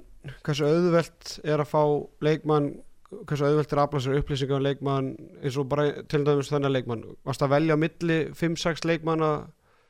Hvernig er þetta ef þú setur í leifur hlustöndum og okkur aðeins að setja í ég, sko, þetta snýst bara svolítið um tengslanetti að vera með eh, svona í sambandi við umbósmenn og ég er bara eins og allir hinn þjálfarnir við, maður bara þekkir nokkra og við erum með svona ágætist tengingu í eh, hérna í eh, eins og Ísland, Lettland og Litáin í gegnum Pinnonen umbósmann hans, ágætist sambandi við hann og, og hann svona bara sendi mig lista yfir nokkra leikmenn. En við vorum bara svona til að segja það við vorum að spá hvort við ættum að fara í, í einhvern svona leikmann eða, eða kannski einhvern dýrari alvöru leikmann. Svona bara Erlendan sko. Erlendan svona það, sem væri þá kannski að koma meira inn í staðin fyrir, fyrir Pinnonen en við ákvaðum bara að fara þessa leið að taka unga stráka. Við vorum búin að sjá líka bara þróunina í deildin í síðustu ára það voru mikið, eru mikið til ungi stráka sem er að blómstra. Þannig að þess vegna fórum við þessa leið að, að taka tuma og taka þennan og, og treysta þeim bara með okkar strákum sem að við lítum se- sem á að eiga að bera upp í liði eins og, eins og Elvar og Böðvar og Birkir og, og Átni og Einar og bara Gunni og þessi stráka sem að við erum með. Við, við vildum bara setja ábyrðin á þá og, og fá unga stráka með með inn í þennan hóp. Talar um að fá starra nafn gætu við fara að sjá kannski er, er, er íslensk lið handbóltalið budget í að fá góða útlendinga Já við eins, sko og, Jó- eins og bara Jósef Júrits sem hérna gerði bara Ísla, val, hjálpa valagar Íslandsmeistar fyrir ykkur tveimur árum. Já, við, sko við eh, sko markaðurinn úti er eh, líka erfiður fyrir, fyrir leikmenn sko. Það er, það er ekkit það er ekkit margar deildir og mörglið í hverju deild sem er að borga mjög mikið af penningum þannig að, veist, að þetta byggist rosalega mikið á því að þessi leikmenn séu tilbúinir að vinna upp í launinu sína einhverju leiti þannig að ég held að við munum aldrei sjá einhver risastór nöfn en, en svona góða ellenda leikmenn á að vera hægt að finna. Algjörlega uh, uh, Markvæslan hjá okkur í fyrra var ákveðin uh, höfuverkur og uh, fengu svona sinn skerfa gaggrinni Láru Selgi og Kolbett sem voru hjá þér í fyrra. Þú sækir Arnófri Stefansson í sumar og Pálma Pétursson hann uh, í rauninni því að vera eitthvað markmannsjálfur yfir í að bakka hann upp. Uh, einu tvíð það spurning. Þú hlýtur í fyrsta lagi að vera rosalega ánægð með, með framistu Arnós hinga til. Eh, En var, all, var aldrei planið að taka einhvern annan með honum á nú dróst Pálmars og Flót eða hvernig, hvernig var það? Mér langar kannski svona fyrst að segja svona, mér nú kannski fundist umræðinum Lalla og Kolla ósangjarn á, köflum svona með það, svona, það sem að maður hefur heyrt. Við vorum bara í miklum vandræðum fyrra við vorum í alveg miklum ég sennilega meiri vandræðum með varnarleik. Og, og það var svona við fundum aldrei, aldrei takt í því. Við vorum ekki að skipta á milli og við vorum með menn meita og menn að koma inn og út og, og annað. Þannig að þeir stóðu sér mjög vel Lalli æfði gríðarlega vel og laði virkilega hart að sér og Kolli átti fínar innkomur á milli. En hérna en svona spilum Arnór bara frábær, við, við lögðum mikla áslag að fá hann og, og vorum búin að ná honum svona til til að snemma. Árið sem markaði fór stað. Uh, hvað var þar uh, varamarkmann við bara uh, hérna uh, Pálmar svona fóra bara í sumar að ræða, ræða við mig, hann hefði huga á því að, að prófa aftur og hérna hann kom bara á æfði og, og leið vel þannig að það var aldrei spurning í mínum huga að, hann væri væri góðu kostu, við erum líka með tvo unga markmenn Björgvin og, og hérna hann Brynjar og, og hérna eh, við vildum þá bara veðja á þá. Ef að Pálma myndi ekki ná í gegn þá ætlum við bara veðja á þá og, og þeir eru inn inn í þessari púlið hjá okkur og, og hérna markmið okkar í framtíðina þeir, þeir takið þessari stöðu. Svo, hérna sér líklega ekki eftir því með að útlensku markmenn sem hafa komið í deildina hinga til að þeir á nokkið að vera að slá í gegn. Nei, nei, eins og ég segi, ég bara, veist, við fórum mjög snemma í Arnór og, og sem betur fyrir að kl- klára það vegna þess að það er bara erfitt að fá markmenn. Það er eh, ennþá minni markmas, markma, markaðurinn heldur en út í leikmennum og, og, og þetta er gríðarlega mikilvæg staða. Algjörlega, eh, við höfum rætt þessi þátturum hjá okkur uh, framistuðu átnabræði veitur, hann hefur verið bara svona ykkar allra besti leikmar undanverðin ára og átt í, átt í eh, svona ákveðnum erfleikum í, í byrjun móts. Uh, hefur ykkur áhyggjur á hans framistuðu? Nei, ég svo sem hef ekki mikla ágjörð því. Hann er hérna eh, búin að vera eh, þetta er 15 ári mitt í Mosó hann er búin að vera frábær í hérna öll árin og það er búin í sex leikir og hann er búin að eiga nokkru að slaka en, en ég hef engar ágjörð því. Hann er virkilega sterkur karakter. Er ekki bara múin að lélur í ölluleikjunum Nei, ég held að hann hafi nú skorað hérna eh, fimm mörg á móti í er eitthvað svo leis tólskotum Já, mér er alveg sama ef hann við Já. betri índíku. Já, ég meina, Átni, hann veit að best sjálfur hann á helling inni og, og hérna, en geng, meðan gengi leysins er fínt og við um hann inni þá hef ég ekki miklar ágjur og hérna, við líka með Finn og hann alltaf stíð upp úr mjög erfið meðslum þannig að mér liði mjög vel með hægra hótni á mér. Við rættum um það í, eftir valsleikin held ég þá þá tók ég eftir að finnur beigði hann sér lengi á, á hliðalínu og var byrjað aðeins að hita upp og svo hans mér bara eins og hann væri bara jáfnvel hættur að hita upp. Uh, hérna hann er kannski ekki alveg orðið 100% kláður finnur eða eitthvað? Nei, nei, hann er hann alltaf kemur til okkar hérna bara í byrjun september og hérna þá er hann ekki búin að vera í neinum handbólta síðan hann, hann slítur. Þannig að hann er ennþá bara að byggja sig upp og, og er á mikill uppleið og ég vonast til þess að geta bara bara að spila honum meira þegar að, þegar að líður á tímabilið en þú veist, það er eftir áramót kannski er vonandi verið hann komin í fullstand talandi um meðsli Já. Það er búið að vera vandræði undanverðin ár. Ég fengi eitthvað skerfa af, af þessum eh, svona, svona langvarandi meðslum svona eins og við köllum þetta svona freak injuries slíta, menn er að slíta crossbund og, og brotna hér og þar þetta lítur að vera gríðarlega, frústrerandi fyrir því sem þjálfara sem ert með eitthvað prógram í gangi og, og svo ert að missa hvern og hættur öðrum í, í svona alvarleg meðsli Já, þetta er náttúrulega bara svona, uh, svona burt sér frá mér sko, þá er þetta náttúrulega bara mjög leðileg stað að vera í, maður alltaf bara með þess að stráka og, og hérna þegar þeir þurfa að horfa framan, framan í það að vera frá í mánuði hérna mánuði, marga mánuði sko og sumir aftur og aftur.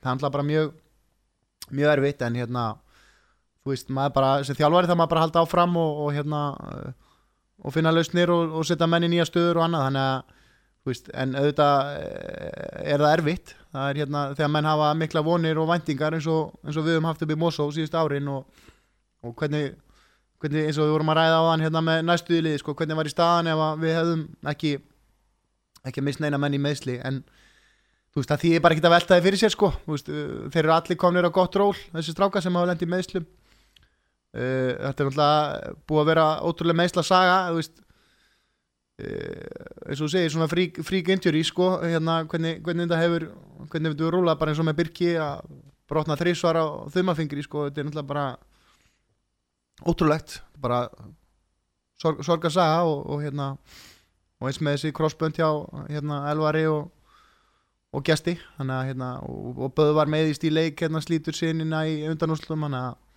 þetta er alltaf bara erfitt en, en mér finnst við hafa unni bara vel út úr þessu og hérna og erum bara höfum náðu að hjálpa strákonum að komast aftur á stað.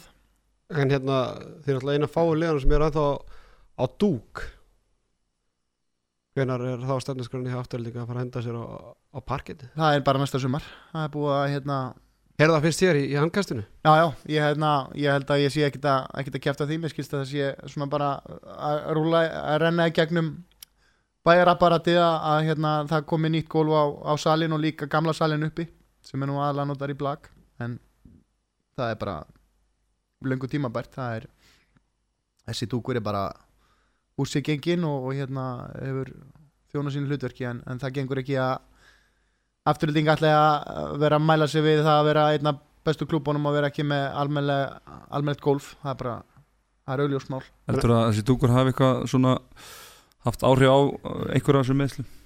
alveg potjett ég, ég, hérna, ég get ekki svona vísundilega en, en hérna ég hef átt marga fundi og, og, og, og rætt, rætt um þetta en þú veist Sa, þú veist, maður veit það samt ekki sko, veist, það er, það er ekkit margt, það er ekkit, er ekkit mörg af þessum alveg meðslu sem átt sér ákveðat stað þar en, en það er auðvitað að undila hefur áhrif á hvernig menn koma undan hérna æfingum og annað. Það er eitt leikmaður sem já, hefur gefið út allavega að hann sé bara nánast hættur, það er Pétur Júniusson það var helviti fúlt að hann hef ekki náð lengra á sínum ferli og skuli bara, uh, bara Íslendinga fá ekki að fylgjast með honum út af því að bussi frá því að vera bara góður handbóltamæður þá náttúrulega fekk ég þann heiður að fá að spila með líka þetta er bara, þetta er frábær karakter og þetta er svona einn af ég ætla ekki að segja fáum en hann er við skaman á, á vellinum, hann lætur til þessi taka, hann er líka grínast einn á, línunni og fagnar sínum mörgum, þannig að það er það er að spila fleiri leiki. Það er bara greiðlega vonbrið, hann var alltaf bara komin 2015-16 tífambili, hann var alltaf bara yfirbörða maður uh, undan úrslurum hérna móti í er þegar við fyrir mjög úslit þá er hann að skora tíu mörg í leik og hérna og með veist, tíu brotin fríkost og uh, komið hann á tvo landsleiki á þessum tíma og, og hérna náttúrulega bara aðalega súrt fyrir hann að hvernig þetta fór en, en og eins og segir hann er búin að gefa út að hættur en, en hérna við skulum sjá hvort að hvort að það finnist einhverja leiðir með tíð og tíma en, en, en ég, ég á ekkit, ekkit, ekkit sérstaklega vonað því samt Er hann eitthvað innan hópsins núna eða er hann bara alveg komið kannski bróki eða handbólt? Og... Já, já, ég held að sé bara holdt fyrir hann aðeins að anda og, og hérna síðan bara svona þegar líður á við, hann veit að hann er alltaf velkomin og getur labbaði þau hlutverk sem hann vil við frá þannig að við munum reyna að halda honum í kringum þetta en eins og þú segir, bara frábæð karakter og góður í hóp. Var þetta jafn mikið sjokk fyrir ykkur eða voru þið lungu búin átt ykkur á því að hann væri ekkert að spila? Þetta er alltaf sjokk bara að þetta kemur en, en hérna, veist, mm, þetta er alltaf bara búið að vera það langu tími núna að hérna, þetta var svo sem alveg kvartlaði alveg að manni og, og hérna og, og ég held að við, og við svo sem alveg rætti að þetta hefði verið möguleik á einhverjum tíma en, en mikið áfall er þetta skellur á Algjörlega, eru þú varst með einhverja pælingu? Já, ég meina pælingu hérna. Við náttúrulega rættum þess að 96-97 stráka bæði afturlíku og svo náttúrulega bara selfustrákana og bara all, allir efnivegur sem eru á Íslandi. En, en ég er náttúrulega búin að vera að starfa sem yngrunga þjálfari núna í ég veit ekki hvað, tíu ári eitthvað. Og, og mér finnst svona það er yðkendafjöldin í handbóltaði fara að fækka töluvert. Og ég var svona veltað fyrir mig bara hvort að árgangar núna sem eru kannski fjórhólki 2003-2005, þeir eru bara aldrei upp á það að fótballalanslega er bara í topp 20 í heiminum. Erum við að sopna á verðinum eða alltaf mér persónulega finnst bara eins og Karvan sé ég að taka aðeins fram á okkur þótt að alltaf frábær tíma núna í aðlandsliðinu og, og 2000 árgangurinn er góður alltaf en, en erum við að lenda eins aftur úr í yngjörðarflokkunum Ég held að þetta sé allan eitthvað sem, að, sem að þarf að huga vel að sko, það er kannski erfitt svona, þú veist, maður, þegar maður hefur ekki tölur og, og annað, en, en ég er svona, ég sammála er með þessa tilfinningu, maður, en maður hugsa samt tilbaka, manni finnst þetta alltaf einhvern veginn vera á niðurlega og svo kom alltaf einhverju nýjir og, og hérna, þetta verður bara betra og betra, skilja eins og þetta er akkurat núna. Ég meina á tímapili sko fyrir einhverju fjóru-fimm árum þá er fjóruði flokku kalla splittað í tvent það er bara að spila fjóruflokk eldri og fjóruflokk yngri það var væntan út af miklum yfkenda fjölda Mhm. í fjóruflokki Mhm. og svo ég ætla að búa að slaufa öðru flokki og þriði flokkur hann þrjú ár og svona en, en ég er sjálfur búin að vera þjálfa núna fjóruflokki í, í þrjú fjör ár og það er bara í ótrúlega mörg lið að bara hætt, bara ná ekki lið Mhm. eða þá að eldra árið er að skipa mjög mörgum leikmennum á yngra árinu og það er Mhm. margi leikmenn að spila upp fyrir sig og Mhm. Þannig að það er eins og ég, bara, ég held að yfkendafjöldin hafi minka gríðarlega Það, það gæti verið að við séum að horfa í eitthvað svona kannski meira brottfall fyrr af því að þú veist, nú er ég að þjálfa sjöndaflokki afturheldingu og hérna, veist, við erum með 35 stráka og við erum að taka átt í mótum og það er alveg svakalegu fjöldi í flestum liðum þannig að það er spurning hvort að þurfi að skoða hvort að brottfalli eru menn að velja fyrir eru menn að fara- Afverkstjálfur er náttúrulega orðin rosalega bara á og þú segir sko. Akkurat, þannig að það er sko kannski þarf eitthvað að, að taka út bara hvað er að, hvað er að gerast því að hérna, við þurfum að mar, margir á þessum strákum sko, sem að eru landsleismenn í dag menna við tökum bara Elvar Jóns sko, því við nú að ræða hann hérna fyrir þáttinn sko. Þetta er ekki endilega stráku sem að í fjórðaflokki var því að vera að skora nýju mörg í kvöld í alansleik sko. þannig að það er rosa mikilvægt að halda sem fjöldanum sem lengst sko. Þannig að ég, þetta er bara veist, þetta er bara eitthvað sem verkefni sem handbóltinn þarf að skoða og, og takast vel á við því að uh, ef að, ef að brottfalli er að byrja fyrir þá þurfum við að bregðast við. Já, ég held ég getum verið sammála um það. Mm -hmm. Herra, erum við ætlum að fá svona, þína skoðun á, á, á nokkrum atriðum sem hafa verið svona í, í umræði, í umræðin í handbólta heiminum Tókur Rúna Sigdri í, í senasta þetta í, í, í sama pakka þannig að nú, nú ætlaðu þú að segja okkur hvað skoðun þú hefur á eftirverði hlutum við byrjum bara á, á skotklukkunni ertu, ertu á þeim vagnir eða ekki? ég bara, veist, ég, mér er bara erfitt að segja til að þú veist, þegar maður hefur ekki bara heyrt einhverja góða útfæslu sem að er, tekur á öllum mögulegum atvikum sko, þannig að ég sé það eiginlega ekki gerast, en ef að, ef að það var þetta að finna upp eitthvað slíkt þá myndi ég alveg vera til í að prófa það? En skilur umræðina er, Já, já, engin spurning, þú veist um, hérna þú veist þessar sex sendingar og annað alltaf er uh, hérna náttúrulega bara misnotað og menn verða alltaf betur og betri það segir sér bara sjálft, ég meina menn tegi alltaf reglundar eins og þau geta og hérna finna nýja leiðir, þannig að það er bara spurning hvort að menn myndi finna einhver aðra aðferð sko, það er komin sko, en hérna ég væri til í að sjá einhverja góða pælingu. Hvað finnst þér hérna Svo náttúrulega ef það verður skotklukka þá þurft að vera ákveðin eitthvað tíma Þú ert svona ekki alveg viss hvort að ég verður skotklukka en hver, hvað finnst þér ég, ég bara spyr mig hvað hva, þú veist, á að stoppa síðan alltaf tíman ef boltinn fyrir út af eða, þú veist, ég, ég, ég bara, þess að segja, ég vil bara sjá ég ætla bara að fá að heyra útfæsluna alveg frá aðtilu sko. En hvað finnst þér svona eðlileg sókn í handbólta eiga að vera lengi? Þú veist, ég, ég veit ekki hvort ég get fæst einhvern tíma á það sko. Mér finnst bara, ef það er ekki verið að sækja þá kannski má bara vera miklu fyrrgifið merki um leiktöf sko. þú veist, að því að menn eru kannski að fá bara sama tíma og þeir fengu þegar að leiktöfum var dæmt í gamla dag en síðan bætast núna við sex sendingar og tvö fríkost sko. þannig að en ég veit ekki, þetta er bara þú veist, þetta er mjög, mjög flókið mál held ég. Mm En þetta er náttúrulega sem umræða brýst fram að unni sóknum er að fækka í handbólta með eins og þetta var fyrir kannski í kringum aldamótin. Og þá hefur komið svona til að hraða leiknum aftur að taka út miðjuna. Já, það er mitt Ég veit ekki, þú veist Þetta er bara, veist, ég, ég held að þyrfti svona bara að prófa þetta allt sko, þú veist, þú veist það, er, það er endalus mót í gangi, hérna landsliðamót og æfingamót og alls konar svona. Mér finnst bara eðlilegt að þetta sé prófað sko, þú veist, ég held að sé þetta er allt bara góða pælingar veist, en ég held að við sjáum þetta ekkit fyrir en það kemur í praxís bara hvernig það virkar sko, þú veist ég, geti sagt ég sé svona kannski frekar íhaldsamur á, á þessa hluti en veist, ef við sjáum alveg fram á að þetta bæti handbóltan þá hérna skrifa ég undir það sko. Talandi um að prófa hérna liðas að því ég var ekkert um hann í átjánalansliðinu þá vorum við að, að kepa til, til úslita eða sæti og hérna þá var ég aft.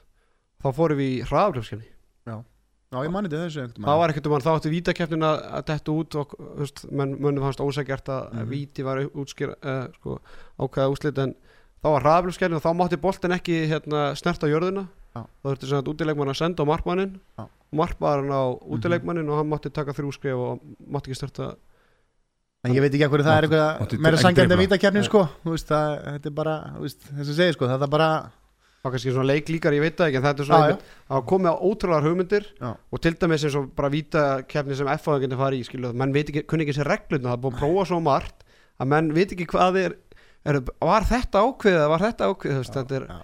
ótrúlega svona, En þú veist, á sama tíma sko, það er alltaf bara þvílíkur auðlagangur sko hjá þeim sem að er að standa leiknum sko, þú veist, að menn sem að er í, að þetta og, er allt skýrt sko, þú veist, Já, ég meina, við lendum bara í því bara senast í víkinni, sko að að bæði dómar og Já. eftirlismenn kunni ekki reglunar, sko, þannig að já, já, við förum ekki meir út í, í það. Uh, það var eitt punktur sem ég var að bæti ná sem við spurðum ekki rúnar út í og, og það er svona einhverjir hafa nefnt það en hvort að ég að taka út jættefli Þetta var gert hérna einhvern tíma, það var ekki fljótlega upp á aldamótunum. Það var bara eitt tímabil, Eitt tímabil, já, það var bara að fara í framlengingu. Já, alveg rétt, já, ég manna núna að ég segja það. Það er svona, hugmyndin er, veist, að lið sé ekki að spila upp á jættefli já, er það ekki svolítið erfitt í Það er erfitt í handbóllega Nei, ég er að tala um að ef það er hálfmjöndu eftir Já, já, já, að þeir eru bara sáttu kannski með jættefli og staðan fyrir að reyna að skora, reyna að skora skilur og, og, og þeir eru að reyna að halda út boltan og þetta er kannski 5 sekundur eftir. Já, leifa hinn og liðin ekki að fá en já, ég kaupið það ekki, ég veit bara að hafa jættefli Já, það er alveg, nóg mikið ála fyrir líka maður. Ha. 7 og 6 Uh, já, ég er hérna, ég er ekki hlindur í því, sko, ég, ég myndi vilja bara fá aftur gamla, eða ekki, ekki gamla, þú veist, sko, bara festa markmannin inn í, inn í sínu svæði, sko, og geta þá hlaupið út af eða meðan hitlir í sóknu eða eitthvað svo Er það alveg finnst þér það ekki nóg, uh, refsingi nóg mikið af tveimundum Já, bara, þú veist, það. svo er bara, eh, þú veist, liða stunda þetta, spila bara 7-6 allan tíma, en Makedóninni gerði þetta eitt stórmót, sko, þetta er bara svona, þetta er ekki einhvern veginn, þetta er ekki anda leiksins, einhvern veginn, sko. Verður líka svona varfarnar í sóknarleikar en þú ert með engan í markinu. Já, bara, þú veist, ég meina Körubolti er spilaður 5 á 5 og fótbolti 11 á 11 og svo eru sko við komum með auka mann í sók, sko þú veist, það er svona, það breytir svo mikið leiknum, sko. Þannig að ég væri til í að sjá, sjá það bara þetta út eins og Daninir voru held ég með í fyrra. Þjálfarnir tóku sér bara saman um það að sleppa að, að hérna nota auka mann en þú notar þetta sjálfur? Að sjálfsögðu, en það eru reglirna þannig. Ha. að með það eru þannig þá, þá verður maður bara að vera með. En eða eru miklu tíma í að æfa 7 og 6 Mm, ekki mikið nei. En þú veist uh, Gerðu það samt. Ég er að þjálfa hérna fjárlokk yngri og ég er ekki með markmann. Þannig að til að ég geti selt hérna útileikmann að vera í marki þá fær hann, þá spilum við 7 og 6 allan leikin Já, ég meina það, maður býður alltaf eftir því bara að koma einhvern tímann markmaður sem getur spilað sem útispilar í alþjóða boltan mm. er, Það er, er, gerst. er einhverjir Jóhann Kúkabótt reynda þarna í lokkasóknum út í gróttu Já, kom góð blokkin í kannan og væri samt að vilja hafa miðjumann sko. já er einhver markmann sem kom í hugan sem að Nei, nei, Björgur Páll, hann getur nú alveg er hann ekki ágættis Aron Pálmarsson var sko hérna Markmaður, fótboltamarkmaður já. sko og hérna og hann rætti þetta nú einhvern veginn við mig þegar við vorum yngri sko hann myndi bara fara með sko og taka markið ég er að maður reyndar eh, markmaður í fótbolta líka og ég myndi aldrei detta í huga að fara í markið í handbóltanum sko. þetta er tvent ólíkt sko. Já, þetta er þetta aðeins er ekki fyrir alla Þetta er ekki að bónt Þetta er aðeins, ég er að segja ekki að bónt að vera fótballtumar sko. Það var reynt hérna í fyrra og síðan var það bara slaufa út á miður tíðanbili þegar menn vissi ekki sko menn, já. Hvað segir einandri þessu? Ég veist að ég bara veit það ekki sko, þú veist. Bara finnum eitthvað sem að verður og hættum að gera endalusa breytingar og einföldum þetta bara, þú veist, eða er raukt bara aganem bara dæmir sko. En og en helst bara myndbönd og þannig að þetta sé bara einfalt sko. Finnst þér ætti að vera meira um að leikmenn fái bann fyrir að fá beint Nei, ég er ekkit endilega, hlindu því sko. Einhvern veginn var það eins og í eh, Danmörku svo ég vísum aftur í það, ef að menn fengur raukt í fyrri áleik þá tóku við bara út leikbannið í setni áleik sko. Ég ætla að leikbann sé ekkit endilega eitthvað svona veist en þú veist, auðvitað ef að brotin eru mjög gróf og slæm sko, þú veist, þá náttúrulega veist, þá og enginn slasast eða með þessi sko, þú veist, akkur í leikbann? Ég var myndið að hugsa með Óla Gúst hann fann alltaf beintur eitt spjald í senasta landsleik fyrir Olbóð sko svona, kannski ekki falleg vörn en svo er bara mættur í, í næsta leik. Er Ég hugsaði ekki eins og einhvern veginn umræðu hvort hann væri að fara í banna Nei, ég er að segja það, ég var að hugsa bara ætli agarend EOF hafi verið búin að fá að vita þessu rauðu spjaldi sko. Já, þetta er bara en þetta er einmitt góð hérna, pæling með að þú far hérna, sem að leikma að fá bara raukt eftir tíu mínútur þá missir hann basically á af öllu þeim leiknum og er síðan að fara að missa af næsta leik líka. Oft talað um þetta í úslitaðin við skilur í þryggja leika séri og kannski að missa tveimur leikjum af þremur út af einu rauðu spjaldi sem gerast á tíu mínútur mínútur sko. mm það er ein, eitt hérna þú varst að tala um 7 og 6 og þú sagðir að þú myndir bara vilja halda markmannum bara innan tegs hérna, það var alltaf breytt smá reglun í fyrir ykkur nokkrum árum að að það væri bara beint raukt ef markmannum kemur, kemur út og og snertir anstæðing Já. alltaf varstu stressaður í þegar Arnur Freyr fer út í leikmann, mjög hverju var þetta, í Varmá IBF í BF Nei, hann alltaf bara utan í boltan sko. Ég, uh, svo var ég nú svo æstur þarna sko. Um, ég um, miskildi regluna sko því að að Hákon fer síðan í hann sko. Þá held ég að fá raut á Hákon sko. En það var alltaf allránt sko. En hérna, en hérna nei, það kvarlaði ekki að, að mér því augnabliki en ég hugsaði mitt á þeim djúveldlega ánað með þessa reglu þetta hefur fækkað svo það, ég meina það, ég ætla ekki að já, ég ætla ekki að segja þetta að vera að gerast í hverju einustu umferð en þetta var að gerast. Ansi ofta markmenn voru að fara í ykkur 50 bolta og sóknar mann átti ekki möguleika á að stoppa sig eða neitt sko, var ég að vilja horfa aftur, aftur fyrir sig sko. Já, þetta er alltaf bara hættulegustu atvikið sem geta komið upp í handbolta. Þú veist, ef að þessir árastur verða að menn sjá ekki markmanni koma í sig sko. Það vona Arnur Freyr hætti þessu. Erum við að fara í spurningar? Já, spurningar og sal eins og við kallum þetta. Hlustendur hérna voru duglir í, Það er rosalega mikið af spurningum. Já. Eru forvinnir í dag, okkar diggu lustendur þær eru misgáfulegar og hérna mis hérna taka mislanga tíma að svara við ætlum allavega að leifa öllum að taka þátt. Já, algjörlega. Uh, Hefur einhverjum Áskes Jónssonar í félag og nærvera hans í klefunum og hliðlinni ekki verið virkilega öflug maður sem hefur lifað á hræst í klúpnum frá unga aldri og þekkir allt í félaginu ekki spurning, hann hérna þegar hann uh, þegar það var ljóst að Daði geti ekki haldið áfram út af vinnu hérna, með mér þá hérna, fórum við bara beint í áskeir og við vissum alveg hvað vorum að sækja þar. Hann er bara gríðalega fær og uh, kemur hérna sterkur inn í styrtaþjálfun annað líka þannig að það er bara búið að frábært að fá, fá hann inn í þetta. Ef þú væri með endalösa pening hvaða leikmann myndu þú fá í afturlíku úr ólistildinni og útfylltu tjekki Já Mamma er eitthvað að tala um leikminni eru liðum eða hvernig já, það? já, Já, má allt í handkastinu. má allt í handkastinu sko. hvaða leikmann er þetta hrifin af sem geti styrt þig ekki endilega Já, besti leikmann en bara sem myndi passa inn í Já, lið ég myndi bara ég myndi bara taka í mig já, beint í lavalsja akademíuna Já, já, já, hún hefur gefist þið vel Hún hefur Já. gefist þið vel uh, Besti leikmann sem hefur þjálfað Kannski auðveld Já, allir, það Liggi nú ekki lok- nokkuð ljóst. Ég held ég skikki ekki á neitt með því að Theodor Ingi Pálmarsson. Ánæði með þetta svar. Já, rétt, rétt, rétt Og Aron rétt á eftir þetta Já, Mm. við kaupum það, við kaupum það. Uh, uh, Vombriði fyrra en liti gríðarlega vel út í ár. Klóka leikmannastyrkingar Þrátt fyrir að þið geti gert góða hluti í deildu úslitakefni Er byggakefni kannski svo titill sem afturölding ætti að vera veði á í ár Nei, ég meina, við erum bara Förum bara í öll mótin til að vinna þau og, og hérna Ekkit eitt frekar en annað mm Einn frá hérna Jóhanni Gunnar Einarssoni sérfræðingi setjabilgjunar Ertu enn að leita gæðunum sem þú fegst frá Jóa G? Saknar hans?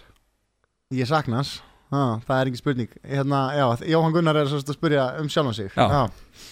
Já, ég menn það var frábært að fá Jóhann Gunnar inn í þetta ég, hérna, hann er þetta svolítið fyndið að þegar hann kom hérna þá uh, ef hann íbúin að taka við og þeir voru að tala um að fá Jóhann Gunnar og, og hérna, vilja það maður nú að taka einhvern þátt í recruiting en uh, ég held ég að fengi sínt á tvendum og setna á þess að mann að tala við hann hann var í, var í komin í afturöldingu þannig að hérna, það var mjög einfalt og hérna þannig að það var bara mjög gott samstarf eftir það mm -hmm. uh, Náttúrulega uppalinn í, í FH en ef þú fengir bóðum gull og græna skóa myndur þú geta hugsað þér að taka við haugum Ég ætla bara að vera alveg heiðarlega með það. Ég, hérna, eh, mína rætur liggja í kriganum og hérna eh, mér þykir já ég ber bara mjög mikla vinning fyrir haugum og bara frábært starf og annað en það þyrfti það þyrfti hérna mikið að ganga á til þess að ég myndi þjálfa hauga bara svo ég sé alveg fullkomlega heiðarlegur. Mm -hmm. Er það var það næsta Getið þú stilt upp draumaliði leikmanna sem þú, sem þú er þjálfað í mestralóki? Já, þú segir nokkuð maður. Ég hérna Ég hérna, já uh, Ég ég myndi setja hérna uh, Pálmár og Danna í markið. Ég, ég verð kannski að fá að segja þetta eitt í tvo stundum sko. Já, já. Uh, Ég ég myndi setja Aron á miðjuna og, og hérna Ólana vinstra megin og Loga í hotnið og hérna allir ég myndi ekki setja Jón Gunnar að hæra megin og svo myndi ég setja sko, Hjört Hinriksson í hæra svona til þess að hafa smá físik í þessu sko. Hver var línu?